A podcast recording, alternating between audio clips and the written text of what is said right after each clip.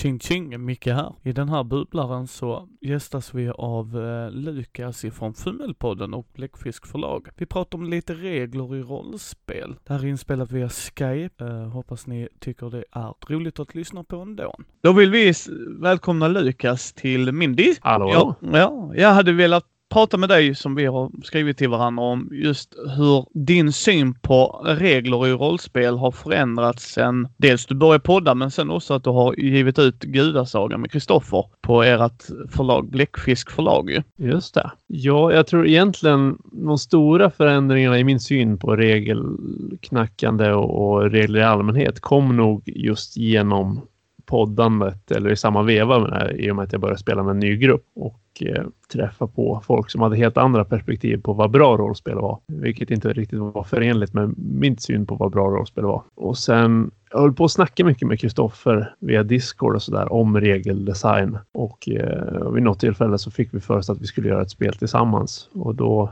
vad ska man säga, det är nog det, Gudasaga är ju ett extremt sparsmakat spel på regelfronten. Och eh, jag tror vi skrev ihop det på en helg. Så att det var en väldigt smidig process jämfört med mycket annat annat. Eh, och det var väl för att vi hade lite samma syn på vad just det spelet skulle bli. Ja, nej men precis. Ja, för jag menar du har, du har gjort Fummelpodden nu i, när började ni den? Ska vi se här. Ja, vad kan det vara? Två, två och ett halvt år sedan. Någonstans där kring. Ja. Och hur, hur gick det till då? Eh, ja, men det var egentligen, jag började spela med en helt ny grupp människor. Vi var två från en grupp som hade spelat tillsammans länge och två från en annan grupp som hade spelat ihop. Och vi försökte på något sätt eh, bara hoppa in och börja spela tillsammans eftersom vi tyckte om varandra som människor. Men vi hade helt olika perspektiv på vad roligt rollspelande var. Så, så fort den här smekmånaden var över där man bara tyckte att det var roligt att spela tillsammans, då började vi ryka ihop ganska rejält om hur man borde spelleda och vilka regelsystem som var roliga och vad vi ville testa och, och vad som, hur mycket man skulle husregla och allt möjligt sånt där.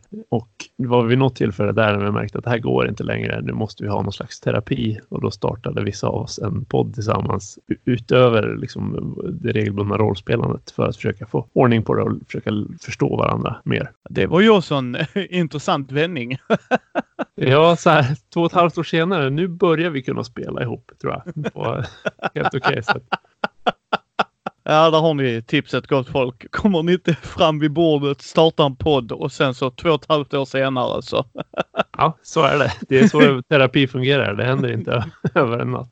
Nej, nej, nej, för den delen, för den delen. Men började du prova mer rollspel när du började podda? Förstår du vad jag tänker? Alltså, läste du på om fler grejer för att få mer perspektiv när ni sitter och diskuterar eller var det bara när tillfället gavs? Jag tror att vi är ganska dåliga på att läsa på överlag i våran podd. Vi sitter mest och pratar strunt eh, utifrån egna perspektiv. Men i och med att vi hade lite olika idéer om hur rollspel skulle spelas och hamna i lite samtal om olika sätt att lösa saker på så började ju den spelgruppen som, som podden är grundad i testa på andra system. Och där kom jag ju in. Jag hade mest fokuserat på tradd och friform innan. Eh, så här drakar och demoner system och, sen gick vi, släppte vi det regelsystemet. Vi tyckte inte att det funkade något bra egentligen. Eh, det var mest i vägen för det vi tyckte var riktigt rollspelande. Så att vi gled liksom över mer och mer på friform och till slut satt vi utan tärningar och regler och rollformulär och allting och bara eh, satt med en spelledare och, och fortsatte det här traditionella rollspelandet fortfarande med äventyrande och, och sådär. Och sen när vi kom tillbaks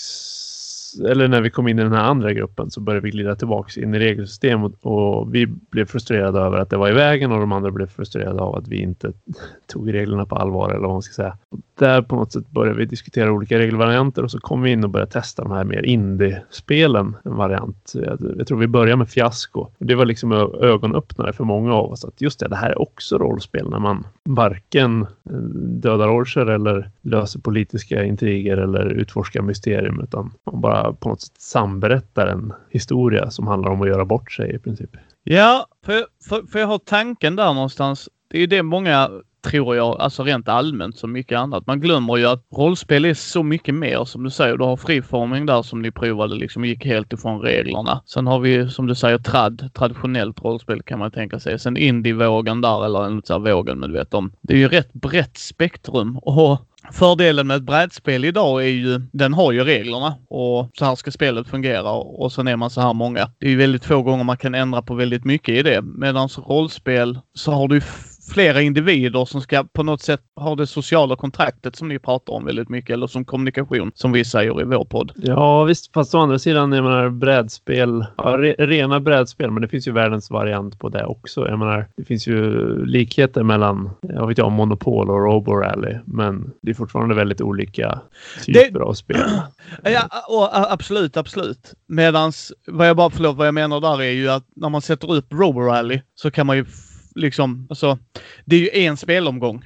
Förstår du lite hur jag tänker? Ja, okej. Okay. Ja, just det. Mm. Eh, alltså förstår du liksom att oj, det här var ett skitspel, nu går jag. Alltså, du, du förstör inte för de som vill spela ett nytt parti för att det är ett nytt parti. Medan i, i rollspel så kommer man igång med en grej, en berättelse oftast. Och gillar halva gruppen inte det systemet eller sättet att spela jämfört med andra så blir det lite annorlunda där. Medan i ett brädspel kan man ju faktiskt säga nu avbryter vi för jag har inte skoj och jag drar ner stämningen kan man ju säga liksom. Kan man göra i rollspel också, absolut. Ja, vi har börjat göra det mer och mer eh, i rollspelandet också.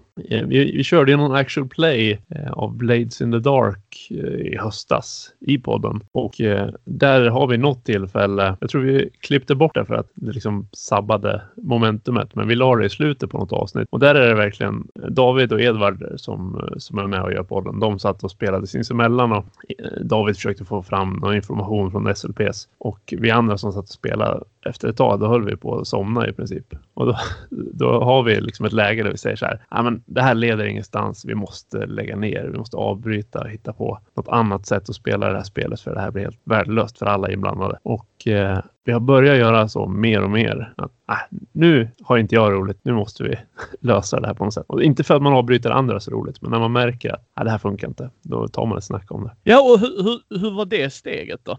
Jag tror att det kom från att man märkte att folk kunde säga, vi har alltid haft så här mycket utvärderingar efter spelmöten oavsett. Och det var lite det som gled över i podd, att de som var intresserade i gruppen att sitta och prata mycket efteråt de startade en podd och resten var bara med och rollspela. Men, men det blev ju det här sociala kontraktet att man, man delar med sig om vad man tycker och är det någon som säger att nej, jag hade inget roligt det här spelmötet, då till nästa spelmöte försöker man lista ut hur man kan göra det. Så att det är liksom en, en djup del av våran grupps Eh, interna regelsystem. Att vi försöker se till att alla har så roligt som möjligt så stor del av tiden som möjligt och försöker problemlösa och hitta sätt att uppnå det om vi misslyckas. Ja, för jag tycker det är en rätt sund idé, alltså tanke och sådär. Så kan jag tänka mig ju när jag pratade med Gunilla och Mikael så sa de ju det att de har ju spelat med samma grupp i 30 år så de behöver inte riktigt ta snacket, de ser det. Uh, och det kan jag ju tänka mig. Uh, men, men jag uppmuntrar ju fortfarande folk att ta snacket efteråt. Uh, och, om allt faktiskt. Alltså om det var någon grej man tyckte var jobbig.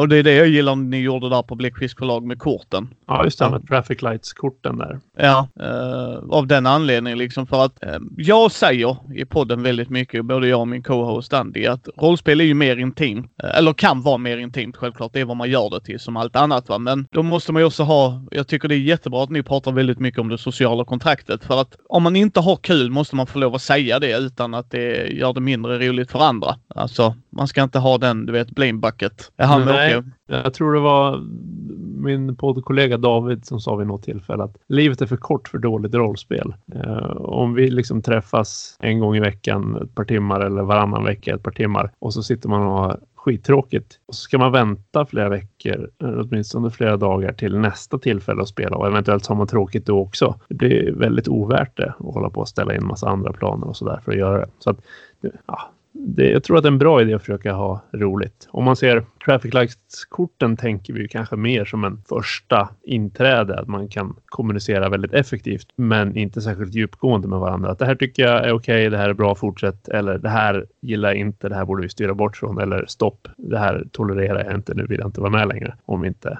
eh, skippar det här. Och sen, vad ska man säga, fummelpodden-varianten då, att man har mycket snack med varandra eh, och utvärderar saker, försöker komma fram. Det är någon slags mellanstadie och sen som du säger, ja, har man spelat tillsammans i 30 år, då kanske man inte behöver prata vid varje tillfälle för att man känner varandra relativt ute och innan. Ja, och jag, precis. Och jag tror någonstans måste man ju börja någonstans också. Så att jag tycker om snack om regler. Alltså jag är ju inte regeltokig. Jag har inga problem med husregler. Dock är jag väldigt tydlig med det när jag spelar med folk och så. Men, men vad menar du med att du inte är regeltokig? Alltså för mig är reglerna alltid sist. För mig är storyn viktig. Så länge vi har kul så behöver inte jag bry mig om reglerna. Uh, om, om, om, om vi har roligt så kan jag och gruppen tillsammans i ett gemytligt sätt uh, alltså bryta de reglerna utan att vi uh, bryr oss. Även om det kanske inte är rent spelmekaniskt regelmässigt bra gjort så har vi gjort det vid flera tillfällen och att ja, vi bara det, fortsätter storyn. Men det är väl samma sak där? Att rollspel ska vara en trevlig aktivitet. Om man har hittat ett sätt inom gruppen som är trevligare än att använda ett visst regelsystem, då är det det man ska göra strunt samma i vad det står i boken. Ja, absolut. Och, och jag, jag har inget problem med folk som gillar regler. Det är väl bara förtydliga det. Men jag har spelat med människor där regler var det viktigaste. Allt annat kom sekundärt. Och det skär ju sig rätt snabbt. Man spelar ju inte med dem så många gånger för att de har ju inte roligt. Eh, och vi har ju inte roligt. Alltså där, där har vi ju pratat med personerna liksom och sagt liksom att du har ju inte roligt nu och vi har inte roligt. Vi, vi kan inte spela på ditt sätt för att skoj. Alltså. Nej, men det där är ju spännande. Det är väldigt lite olika. Jag spelar en del brädspel med min grabb som är fem år och jag tycker att det är svintråkigt för att han håller sig inte till reglerna. Han börjar flytta någon figur. Vi spelar tjuv och polis. Det är ett uselt spel på många sätt. Men det, när man börjar ignorera reglerna och bara springer runt med någon polis och eh, åker bil. Då, då är det inte ett spel helt plötsligt. Då är det en lek. Så då tycker jag att det, den eh, aktiviteten blir ganska meningslös som ett spel. Så att det kan finnas olika perspektiv. Allting beror ju bara på förväntningar, vad man tycker är roligt och eh, vad man har kommit överens om. Och, och säger man så sagt, nu ska vi sätta oss och spela det här spelet. Då kan det ju vara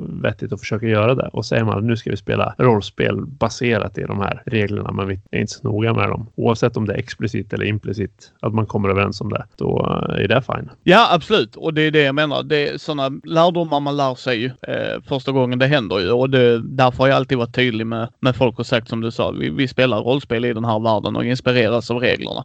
Ja. Reglerna sätter lite mer ramverket vad som är no normen i världen så att säga. Men det tycker jag är spännande. Det var egentligen det som så ofta händer när man pratar om framförallt traditionella rollspel och folk som har spelat länge. Det är att folk säger att ah, men vi, vi använder inte reglerna så mycket längre. Vi har försökt. Vi fokuserar på storyn, på karaktärsspelandet, på rollspelandet och det som har blivit allt tydligare för mig med tiden, det är ju då kanske det är fel regelsystem man använder. För om det inte uppfyller den funktionen man vill att det ska göra, om det är någon form av bromskloss eller sådär, då är frågan, det känns som rätt beslut att inte använda det längre.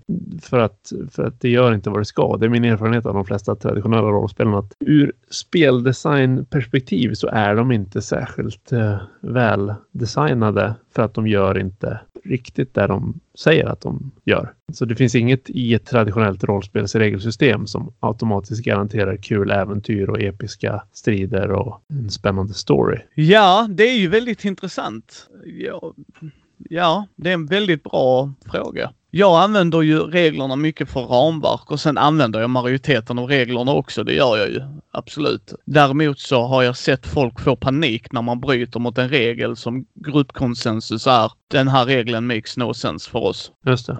Uh, förstår du vad jag menar liksom? Så att vi har ju inte lämnat reglerna alls. Jag spelar fortfarande med reglerna för att få en viss ramverk för min del. Mm. Uh, men däremot så har jag sett folk alltså bli, få nästan panik ångestattacker. Alltså riktigt så här liksom att de bara nej, nej, nej, nej. Den regeln står där. Så bara ja, fast vi som grupp här nu tycker att den regeln som du säger blir en stoppkloss. Där, du sa det bra där. Det blir ju som en stoppkloss i det läget och därför väljer vi att ignorera den. Uh, nu funderar jag på är där. Där är ett system. Det enda jag har gjort på att ändra någonting är Call of Cthulhu sjunde editionen. Det är deras jaktsystem. Alltså när du blir jagad eller jagar någon. Uh, för då ska du, då ska man liksom ta ett steg tillbaka och sen börja rita upp en tidslinje. Just det. Och, ja, och för mig blir det väldigt, bryter det min immersion. Alltså verkligen min inlevelse. Det är lite som ja. när man tar ut figurer till DND. Alltså då, då blir det ett brädspel. Ja, ja, det är något jag personligen har problem med också. Sen är ju det subjektivt. Men, men det jag tänker, Call of Cthulhu är också sådana här spännande exempel för att det är bevisligen, det finns bevisligen någonting väldigt, väldigt bra med det för det har spelats under så lång tid i så många versioner och gjort, alltså gett så många människor mycket spelglädje. Men även där ur speldesignperspektiv. Lovecrafts fiktion handlar liksom om det okända och saker man inte förstår och att liksom gå djupare och djupare in i galenskap och att, eh, att världen är oförstörbar, att man, eller oförståbar, att man inte har något inflytande som människa och allting bara slutar bara med att allting går åt skogen. Medan Call of Cthulhu har ju liksom mer fått in de här pulpiga elementen på många sätt och, och gjort saker exakta i en Lovecraft-bok så, så liksom kommer det ett monster och, och, och, folk blir galna och springer därifrån. Medan i Call of Cthulhu då får man slå ett slag där man vet att jag har 37 procents chans att lyckas skjuta monstret och göra eh, en T6 skada eller vad det är. Det, på många sätt så limmar ju det inte alls med själva grundkonceptet med det Lovecraftska. Det är ju bara en traditionell rollspelsdesign tänker jag. Ja, men det blir det ju. Det, det systemet får en del kritik av är ju också Sanity-systemet, hur de väljer att göra din Eh, nedbrytning i galenskap väldigt så här där har jag också haft spelledare som har gjort bra ifrån sig och dåligt ifrån sig. Vissa spelledare gjorde sådana sanity-slag, gav ut dem som att man ger folk godis liksom. Du får ett sanity-slag, du får ett sanity-slag, alla får ett sanity-slag. Mm. Och bara, jaha men okej, okay, vad, vad, vad ger det här? Det står i reglerna kommer du fram till det och så bara ja, absolut. Jag kan förstå att man gör ett sanity-slag när man ser något som man aldrig har sett innan. Absolut, det kan jag förstå. Men om han spelar en krigsveteran som har varit i eh, skyttevärnskriget liksom i första världskriget. Jag har lite svårt att se att han ska helt plötsligt slå ett sanity-slag varje gång han ser ett lik om inte han har skrivit att han har PTSD. Ja, just. Men alltså, där, kom, där kommer in just det här traditionella elementet som även finns i OSR old school renaissance-spelen att målet är på något sätt ändå att vinna, att ens rollperson ska lyckas. För att alternativet är att rollpersonen dör och det är inte så roligt. Ja, där är jag annorlunda. Jag har inte problem med att min karaktär dör. Okej, okay, då så. Ja, äh, men, men, för ofta folk som själva regelmekaniken är på något sätt uppbyggd med känner jag i traditionella rollspel i alla fall, att eh, spelarna ska klara ett uppdrag eller ett äventyr eller vad det nu är. De ska besegra en fiende, de ska få skatter, de ska lösa ett mysterium eller vad det nu är. Ja, det, det, det blir ju det ju. Men jag vet inte, när ni, när ni spelleder,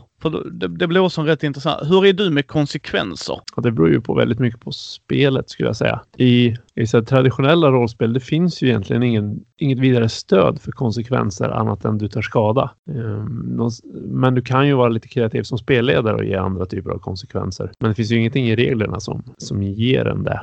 Medan exempelvis uh, Apocalypse World eller uh, Blades in the Dark eller något sånt där, då har du inbyggt i mekaniken att okej, okay, nu uppstår det den här konsekvensen av den här handlingen och det är att, vad vet jag, den här nedräkningsklockan tickar ett steg framåt så att den här hemska händelsen som kommer hända sen är ett steg närmare att ske. Medan traditionella rollspel, då är det mest att den personen tar skada eller den personen blir medvetslös eller den personen dör. Så har man inte så mycket mer regelstöd i alla fall. Ja, nej precis, för det är det jag känner. För jag gillar ju konsekvenser i rollspel, även som spelledare och spelare. Jag vill ju att mina, mina val ska ha betydelse. Ja, och, in, och, inte bara att jag tar skada, som du säger. Utan jag hade ju velat se ett system där reglerna uppmuntrade på ett bra pedagogiskt sätt, höll jag på att säga. Men liksom där, där man får lite regelmekanisk hjälp om man nu vill köra med det. Jag har ju oftast, jag har ju spelat med spelledare igen där hans konsekvenser var ju det att vi tog skada bara och då blev det väldigt konstigt. Uh, för att det liksom, ja okej vi tar skada, det är ju det som händer varje gång något skiter sig. Ja, och jag menar det är ju det som regelsystemet säger att man ska göra. Uh, och tittar man Dungeons and Dragons femte exempelvis, då är det ju uh, sida upp och sida ner med regler för hur man tar skada. Och sen finns det typ en mening som säger att och man kan ta lite andra konsekvenser också om man vill. Eller något sånt där. Men det finns liksom ingen, ingen hjälp med det. Det är bara någonting de har kastat ut där. Eh, så att det finns ju som sagt system som verkligen bygger in konsekvenser på ett annat sätt än en skada. Ja, för, för, för jag brukar ju vara en firm believer att eh, DND är 95% strid, 5% annat. Det är ungefär så jag beskriver regelsystemet. Striderna gör dem intressant för de som gillar det och absolut, liksom det, den, den har ju en tradition den ska följa också ju. Uh, men du hittar ju inte så mycket regler runt om som du säger. Alltså det är typ så här uh, så här kan du också lösa en konflikt. Jaha, ja, ja, okay. ja precis. Ja, men eh, det är ju det klassiska. Om, om man ger folk en hammare så ser allting ut som en spik. DND, precis som Call of Cthulhu har gett hur många människor som helst, hur mycket spelglädje som helst. Eh, men ur ett mer objektivt speldesignmässigt plan så är det ju ett, en strategisk stridssimulator mer än något annat. Ja, ja. Och sen finns det massa duktiga kreativa människor som tar den här stridssimulatorn och hittar lite inspiration i den och så vidare och bygger fantastiska narrativ och, och eh, gestaltningar och sånt där med sin egen kreativitet. Ja, precis. Jag har ju läst Cthulhu av eh, Kranky, eller Mikael Bergström. Mm. Har, du, har du läst det systemet? Ja, jag, jag tror jag var korreläsare på den boken. Så att, eh, jag har hyfsat koll på det i alla fall. Ja, nej, för där tyckte jag han tog en väldigt intressant twist på det. Där han menar liksom på att han, han vill ju slå så lite slag som möjligt. Han, när jag intervjuade ju honom så sa han det, om jag minns helt rätt här, kära lyssnare, så var det ju liksom att han kände att han ville fixa Call of Cthulhu för hans del. Där han, till exempel just det vansinniga grejen, att han inte tyckte om hur eh, alla rullade det öppet och så bara ja, nu blev Lukas galen. För att det sa tärningarna. Man bara okej, jag kan ju förstå varför den rent regelmekaniskt är där. Men eh, Mikael Bergström, han är ju en fantastisk förespråkare för att faktiskt ge spelledare verktyg att arbeta med. Inte bara slänga ut och, ja, och sen blir folk galna och slå på en tabell och se vad som händer. Utan han är ju mer, han vill verkligen att det ska vara användbart. Och det ser man ju exempelvis i de här Cthulhu Sanity-reglerna att han ger beskrivningar av olika steg av galenskap och hur de kan arta sig och, och det blir mycket mer lätt att få in i fiktionen snarare än att bara ge regelmekaniska konsekvenser. Jo, och det gillade jag. Jag gillade det jättemycket. För det gjorde det lite mer eh, skräckbaserat för min del. Alltså jag tyckte det var väldigt bra. Eh, och det håller jag med om. Det är det jag gillar när jag sitter och läser hans produkter ju. En annan briljant grej som han har gjort i Cthulhu, den är väl lite eh, inspirerad av Trail of Cthulhu och Gumshoe-mekaniken. Men det här som jag är inne på tidigare, att i traditionella rollspel är på något sätt designade för att spelarna ska utmana regelsystemet och vinna. Det, det är målet, liksom att statistiskt få ett övertag på något sätt och röra sig framåt i storyn på det sättet.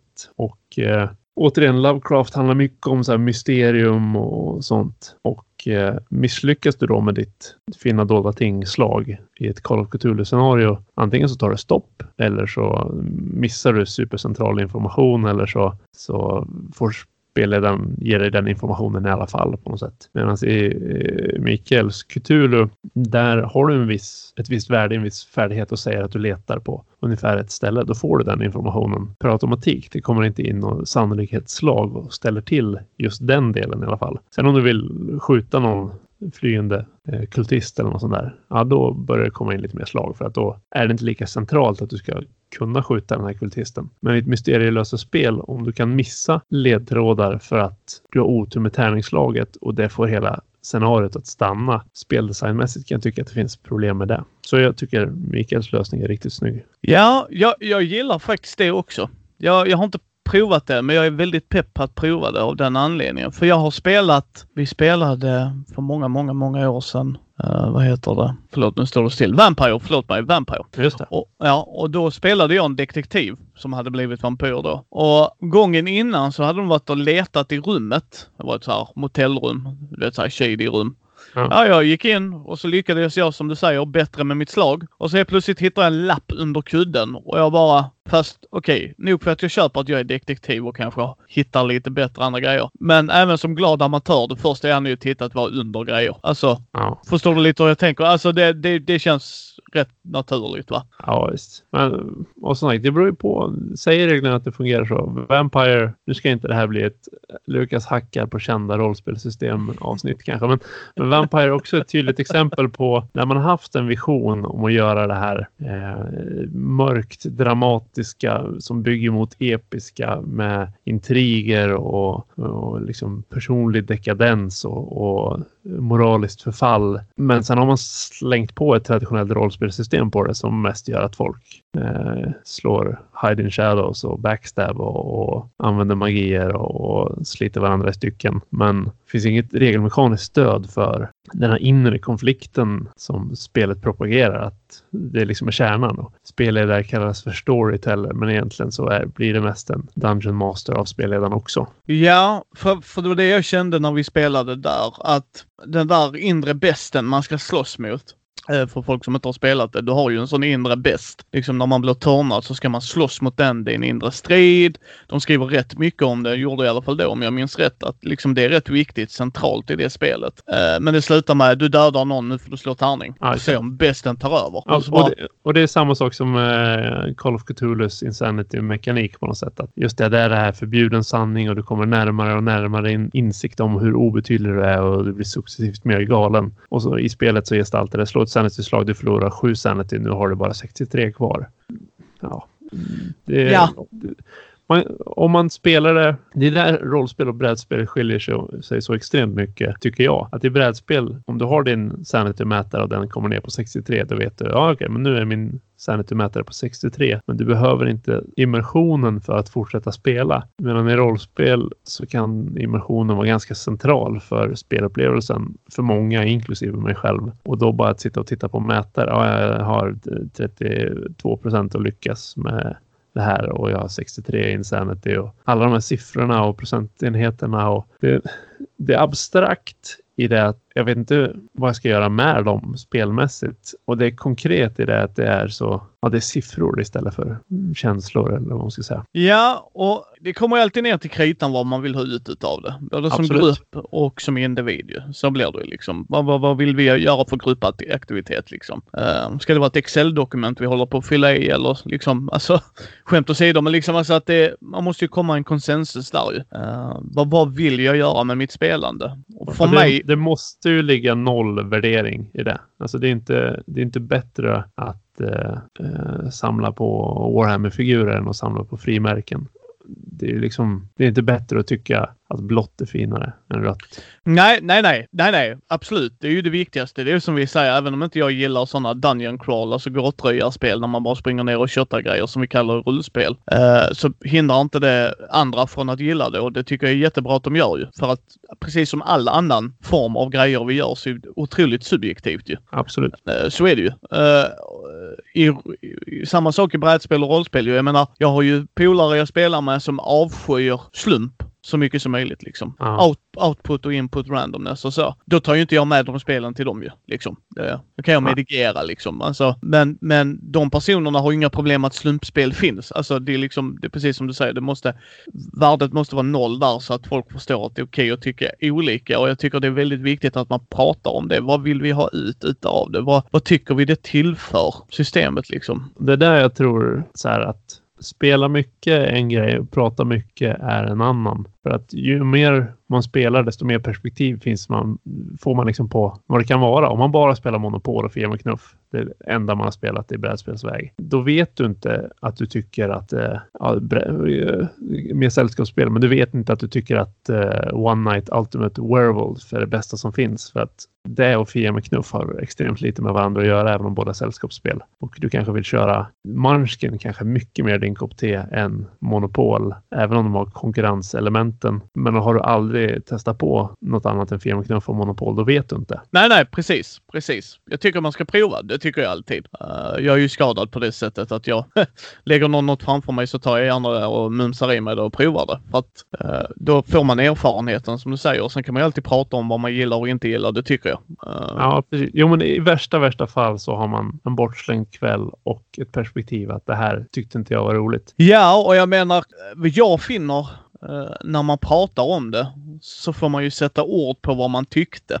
Mm. Alltså, Förstår du lite hur jag tänker? För jag menar, om, om vi spelar ett spel och du bara mö, rycker på axlarna och går. Uh, så dels jag har ingen aning om vad mö menas, liksom vad det komponenterna, vad det spelmekaniken, vad det reglerna. Alltså där är lite så här, i brädspel pratar vi nu då till exempel. Men medans förklarar du för mig, jag känner det som person, att om jag måste uttrycka mig, dels när man gör podd, det har jag lärt mig. Alltså, i podden kan jag inte säga med. Alltså, det, alltså förstår du? Det blev väldigt konstigt liksom. Världens kortaste podd. Ja, precis. Bara, vad tyckte du om spelet, Micke? Med. Okej, okay, går vi vidare. Nästa spel. Alltså, nej. Utan då får jag ju säga vad jag... Och, och ibland kanske man inte kan sätta fingret på det heller. Men då kommer man ju fram till den slutsatsen. Jag vet faktiskt inte vad det är som inte rub me the right way. Liksom som mm. när ni gjorde actual play-podcasten, att Edvard och David bytte plats. Ja, precis. Då, David gick från att vara regelnörden till att bli immersionsspelaren och Edvard gick från att vara immersionsspelaren till att sitta och min maxa. Det är väldigt spännande eh, hur det uppstår. Men där, vad ska man säga, det tror jag inte inte någonsin hade kommit fram genom samtal och eh, spekulerande om hur, hur olika spelupplevelser blir. Utan vi var tvungna att testa det spelet, Blades in the Dark, och se vad som hände om man hade roligt. Ja, absolut. Absolut. Det hade man ju precis. Alltså sitta bara och prata om det teoretiskt, det är ju en grej, medan ni gjorde det ju praktiskt. Och sen kunde ni ha snacket där. Om jag minns helt rätt, det var ett tag sedan jag lyssnade på det avsnittet, så kommer de ju på det själva. Och samtidigt Ja, du. Alltså att man, de fick den insikten att bara just det, nu har vi pl- plötsligt bytt plats. Ja, visst. Och jag tror det mesta kan man säkert tycka är roligt bara man går in med rätt inställning. Men, men som du är inne på, det här med att testa på mycket saker, då får man perspektiv. Och prata mycket om saker, då får man eh, diskursen, man får orden att, att kunna prata om det. Eh, och även om vad ska man säga, det kanske bara är inom den ena gruppen som man förstår varandra. Men om du säger, ah shit, nu det här mötet, då blev det väldigt mycket abrash och ha. Och det gillar ju inte jag. Då kan vi andra runt bordet som har pratat mycket med varandra. Ja, ah, just det. Abrashoha, det, det får vi tänka och skippa lite nästa gång. Och, och alla andra är så här. Jag skulle aldrig fatta vad Abrashoha var, men det kanske bara är något ord som vi har slängt på en specifik typ av eh, immersion i just våran grupp som alla helt plötsligt förstår vad det är och då kan vi diskutera det och vi kan prata kring det. Ja, precis. För jag, ty- för jag tycker det blir... Jag tycker alltid... Jag älskar ju att bli utmanad. Och, och, men det menar jag liksom, när jag tycker en grej så gillar jag när någon frågar varför. Även om jag inte alltid kan svara på det så får det mig att börja tänka, ja varför tycker jag så? Vad, vad grundas det i liksom? Och det är ju därför jag också gillar att prova nya grejer. För som du säger, jag har märkt att vissa rollspelssystem stoppar gruppen. För du säger, alltså vi följer ju inte reglerna i, mer eller mindre. Det enda vi kan läsa böckerna är för Lauren. Alltså världen vi spelar i. Ja, precis. Och värld och regler. Eh, är ett bra, väldesignat rollspel så går ju de hand i hand. Men i många fall så behöver de inte göra det heller nödvändigtvis. Så du kan ju, du kan ju ta mm, vad vet jag, Drakar och Demoner, reglerna, kasta dem i sjön och spela eh, Erebaltor med Mutantor 0-systemet kanske. Om du hackar det lite små detaljer, döper om några klasser och förmågor. Ja, det kan du ju. Alltså, sky's the limit. Fantasin är ju den som sätter gränser.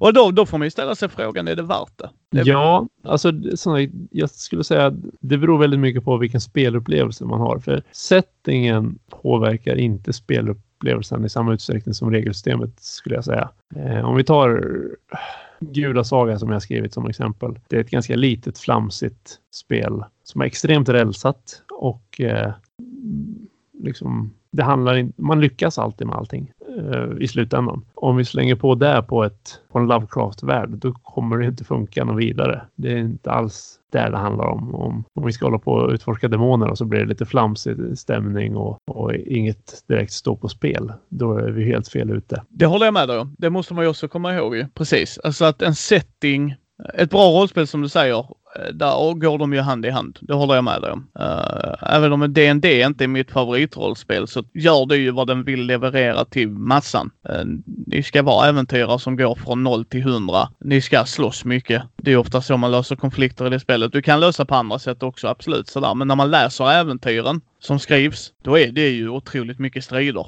Alltså ja, det precis. Så, liksom- så, så fort du tar Dungeons Dragons, eh, ja, särskilt senare, eller liksom, jag har inte så bra koll på de äldre, men 3,5 och högre. Eh, de är ju extremt fokuserade på, på strid och liksom leveling och klasser och sådär.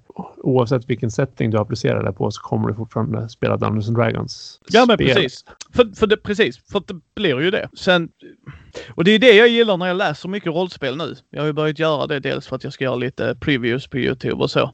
Det har ju utmanat mig när jag läser det. Alltså, jag vill ju ge ett första intryck för jag tänker det är någonstans där det är. För jag hinner inte spela allting så snabbt som jag skulle vilja spela det. Det är den bistra sanningen. Är, jag har inte brist på pengar på samma sätt som jag har brist på tid om vi säger så. Det brukar vara så när man kommer upp lite grann i rollspelsåldern sådär. Vuxen och har jobb. Ja, och du som har barn och allt också. Så att jag menar... Ja, precis. Men då försvinner pengarna också. Ja, okej, förlåt. Ja, i och för sig. Eh, men jag menar liksom, och då, då märker man ju, jag vet inte, alltså någonstans kommer man ju in, det här har jag läst innan grejen. Uh, okej, vad gör ni för twist på det? Eh, nu Ja, är okej. gu, gu, gu, gudasaga väldigt specifikt, eh, vilket jag gillar. Eh, jag, Men, men det är det som är på något sätt hela grejen med indiespel. Att indiespel är extremt specifika. De ska göra en viss grej och göra den grejen enbart. Så Gudasaga är bara gjort för att emulera fornnordiska gudaberättelser. Det är liksom enda syftet med den. och det gör ni bra. Ja, Och det tack gör så ni, mycket. Ja, nej, nej, men liksom det, det, ska jag släppa på Youtube sen också. Där jag går igenom vad jag tycker mer konkret där. Så att det inte blir en med. Eh, men liksom, nej men alltså. Jag... Det, är, ju, det är ju annars en fantastisk recension att ha på omslaget av en andra utgåva eller något sånt där. Micke från Minde. Med. ja, du får gärna citera mig. Ja, uh, Nej, men liksom, eh, och, och, det är det jag märker liksom. För nu spelar vi, jag har ju en tisdagsgrupp. Uh, varannan tisdag spelar vi eftersom hur jag jobbar ju. Och då spelar vi, ska vi spela igenom en massa olika system. De är villiga att prova liksom, för de också vill utvecklas och utmana sig själva och det. och nu spelar vi DC Adventures och det var faktiskt det rollspelet som fick in mig i spelledar ordentligt i spelledarsitsen. Okay. Och, mm. ja, och jag kan säga när jag läst om den, för det var första Youtube-videon jag la upp också, Mindys första intryck. Jag spelar nog det regelmässigt fel rätt hårt kan jag ju säga. ja, men jag kommer ihåg, vi har, vi har något Fummelpodden-avsnitt där David pratar om när han spelar Sagan om ringen som barn. Och han har också gått tillbaka och tittat på reglerna och nu i efterhand så är det så här. Vi spelar ju inte det här spelet. Vi hittar ju på någon slags egna regler utifrån att vi inte förstod vad som stod och så där. Så det låter som lite motsvarande upplevelse där att man, man spelar något annat. Ja, för jag tror där tog jag mest settingen och använde det som rambar. Jag lärde mig mycket med den kampanjen. Det var, jag tror jag hade igång den tre fyra år. Okej. Okay. Mm. Ja, och där lärde jag mig mycket som jag har tagit med mig nu till senare dag. Men när jag läste om reglerna så insåg jag, vänta lite det här, de här reglerna är ju vedervärdiga. Uh, rent spelmekaniskt. Uh, för min del för att uh, Alltså, de vill vara innovativa. De vill uppfinna hjulet ännu en gång. Uh, så deras skadesystem för att det ska emulera serietidningar, för det är hela grejen. Okay. Uh, Ja, så ska, ska man slå en massa slag och sen ska du gå in på en jävla tabell då. Och så ska vi mötas med två fingrar, du vet en vanlig tabell sådär. Och, och jag bara tänkte, om jag nu tyckte jaktsystemet i Call of Cthulhu bryter immersion, vad fan är det här då? Alltså, förstår du vad jag menar liksom? Okej, okay, nu slåss Lukas, ja då ska vi göra så, så, så, grattis. Ja, det här hände, yay. Och jag, jag förstår ju vad de vill åt med det. Alltså att de vill emulera en serietidning. Att Batman går ju inte ner Alltså han dör inte, han blir bara utslagen. Ja. Och, och, och, jag kan förstå det, men för mig bryter det fortfarande immersionen. Alltså att det bryter inlevelsen väldigt, väldigt hårt. Så. Ja, jo men eh, och sagt, det beror lite på vad man gillar. Men jag, kan, jag är inne på ditt spår också. Jag har många system jag testat där, där det handlar för mycket om att antingen simulera någonting eller emulera någonting med reglerna. Så till slut sitter man bara där och, och läser i en regelbok och tittar på tärningar och flyttar runt dem och, och pusslar ihop någonting och drar något ur en kortlek och kör sten, sax, påse och bla bla. Och, och, man är liksom tusen mil från karaktärens psyke, vilket eh, man kan tycka är roligt eller så kan man tycka att det är tråkigt. Ja, jag tror inte jag har mött ett system som riktigt, alltså jag, jag vet alltså det är ju det som är för mig lite så här med regelsystem. Jag gillar att läsa dem för jag lär mig någonting av det liksom. Vissa system gillar jag mer än andra, så är det ju. Men jag vet alltså för, för jag är mer för story så jag, jag vill ju inte att reglerna ska hämma mig. Sen har jag Fate. Jag har inte provat det än. Nej, Fate är ju också ska man säga, lite speciellt i det avseendet att det fokuserar ju på ett narrativt driv. Men vad ska man säga? Det är ett semantiskt rollspel där du sitter och funderar på dels, dels kommer du samberätta mycket och beskriva saker som kanske ligger utanför din karaktärs vetskap så att man kan ju tappa den omedelbara actor stance immersionen där. Men sen dels det semantiska att du har dina, istället för att ha sju i slåss, eller i och för sig du har några sådana värden också, men du har ju även eh, aspects och så här, hur du kan tolka dem och implementera dem i din beskrivning av din handling så att du får bonusar eller vad det nu är. Då börjar du också göra en helt annan aktivitet än att tänka från rollpersonens perspektiv, vilket man återigen kan tycka vad man vill om. Ja, har du, har du märkt ett system som du har gått tillbaks till som du känner att nu, nu är jag inte samma Lukas som när jag spelade detta första gången? Jag tror jag har haft ett system som jag jobbade på i säkert tio år och utvecklade och byggde vidare och sådär. Och sen vid något tillfälle nu relativt nyligen så tog jag en titt på det där och konstaterade att det här leder ingenstans, det här blir inget bra. Så jag skrotar i princip allting. Eh, och det där är någonting som jag har i perioder tänkt att det här kommer bli det bästa rollspelet som någonsin har skrivits. Och, och det har ju bevisligen gått till att det ligger i soptunnan och är uppeldat. så, att, så att visst sker det sånt. En, en annan sån där anekdotal grej är ju första gången jag skulle spela Fiasko. Jag hade hört att det här på något sätt emulerar bröderna Coen-filmer. Och jag fattade hur ska det gå till regelsystemsmässigt. Men det är liksom ett långt steg från att vara fantasyäventyrare. Och jag satte mig och försökte läsa det här systemet och jag fattar inte hur det fungerade i praktiken. Och det är ett ganska enkelt system. Jag skulle kunna förklara det på tio minuter säkert. Men jag fattade inte första gången jag läste det, vad fan det innebar i praktiken. Jag satt och läste det flera gånger och sen till slut så gjorde jag någon ansats att översätta hela spelet till svenska för att jag verkligen skulle behöva läsa varje ord och mening och fundera på vad det betydde. Och så testade vi det i praktiken och då liksom lossnade det. Så nu när jag går tillbaka och läser fiaskoboken, den är ju ganska välskriven ändå. Det var bara så främmande koncept för hur man kan spela rollspel för min del. Att jag inte, jag fattar inte hur det skulle gå till. Ja, det är ju det är väldigt intressant. För jag har fiasko, jag har inte spelat det heller än. Jag har rätt mycket rollspelssystem har jag märkt. Det är därför jag också vill börja läsa igenom dem. Min, min fru tittar på mig varje gång jag öppnar en ny låda med rollspel. Uh, mer rollspel säger hon. Så bara japp. ja, det tror det Ja, uh, men ja, alltså hur, hur känner du Lukas när du sätter dig ner? Gillar du att bli utmanad? Alltså förstår du vad jag menar? Liksom, vill du prova nya grejer hela tiden eller var det också ett stort steg du tog? Jag hade ju en extrem motståndskraft till att testa nya grejer när jag började spela i den här nya gruppen för tre år sedan eller vad det kan ha varit. För vid det här laget kände jag att nu har jag lagt 15 år på rollspel. Jag vet hur man spelar rollspel. Jag vet vad som är roligt. Jag vet hur man får det roligt. Jag vet vilken typ av regler som är roliga. Jag vet vilken typ av scenarion som är roliga. Och sen helt plötsligt dök eh, David som jag poddar med upp och säger vore det inte kul att testa något annorlunda? Ska vi inte göra så här istället? Det här tyckte jag var tråkigt. Det borde vara bättre att göra på något annat sätt. Och jag känner bara nej, nej, nej. Du, du, du förstår inte. Jag har förstått det här för länge sedan, men du förstår bevisligen inte. Så, sån, sån röv var jag. Har väl reducerat den delen lite grann av mig hoppas jag. Men, men där i alla fall till slut så fick han liksom igenom de här förslagen och testa andra spel. Och sen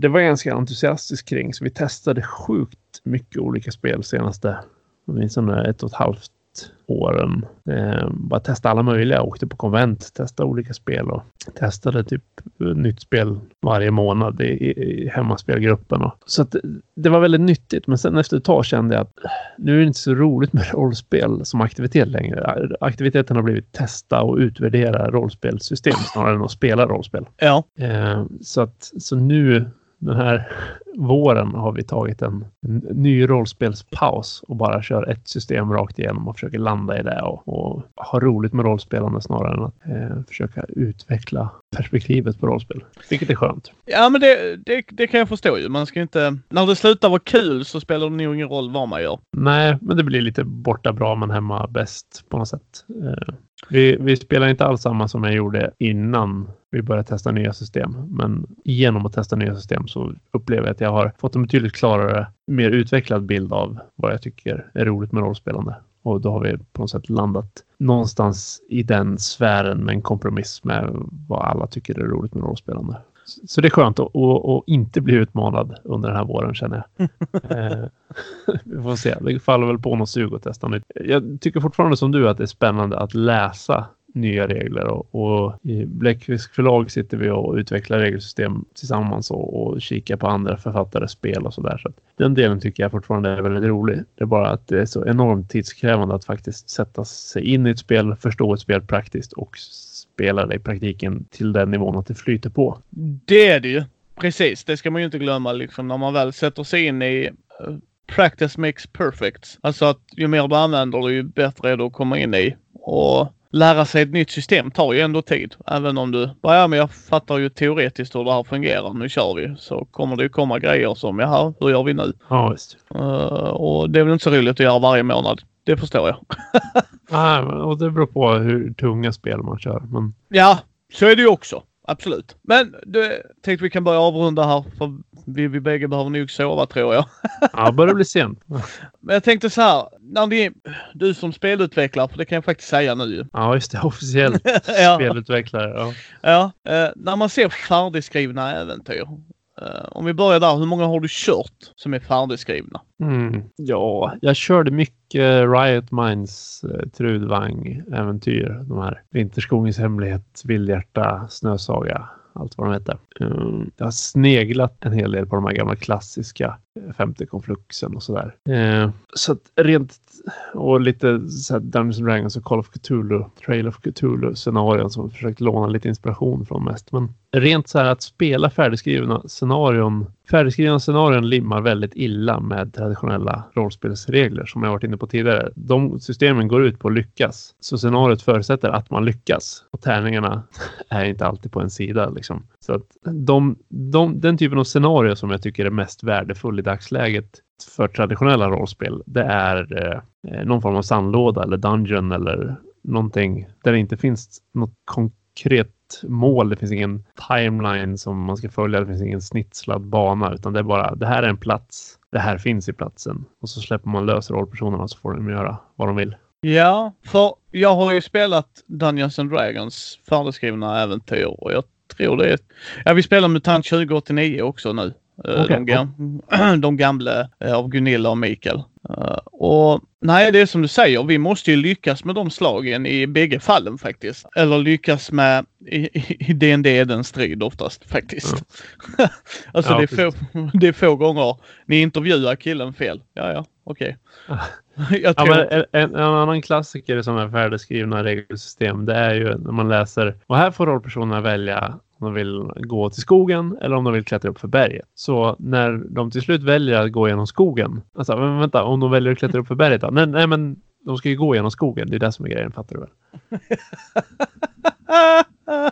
Den uh, har jag sett i både ett och annat färdigskrivet äventyr. Uh, Okej, okay, det har inte jag stött på än. Ska vi säga också. Än. Nej, för, då blir det ju bara konstigt. Då, då uh, snacka om och... Ja, nej. Ja, nej. Förlåt mig. Ja, ja. Hur kan man skriva en sån grej?